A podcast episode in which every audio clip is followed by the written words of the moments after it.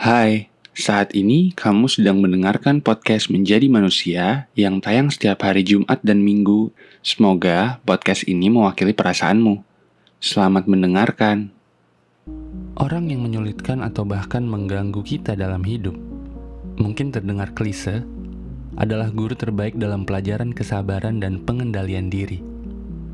Mereka adalah cermin yang memantulkan sifat-sifat dalam diri kita yang perlu diperbaiki Melalui interaksi dengan mereka, kita belajar untuk lebih memahami diri sendiri, mengenali nilai-nilai yang kita yakini, serta mengetahui hal-hal yang tidak kita sukai.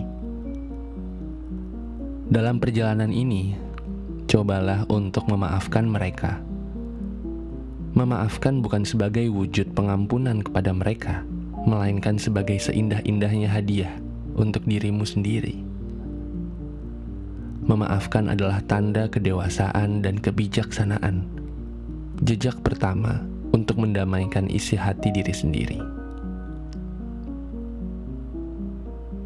Dengan melayangkan maaf, kamu melepaskan beban yang selama ini mungkin telah mengganggu pikiranmu. Dalam hati, ucapkan terima kasih atas setiap kesulitan yang mereka hadirkan dalam hidupmu.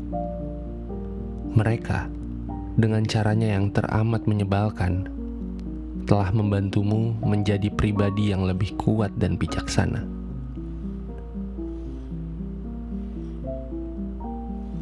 Terima kasih juga kepada dirimu sendiri, pahlawan dalam kisah hidupmu.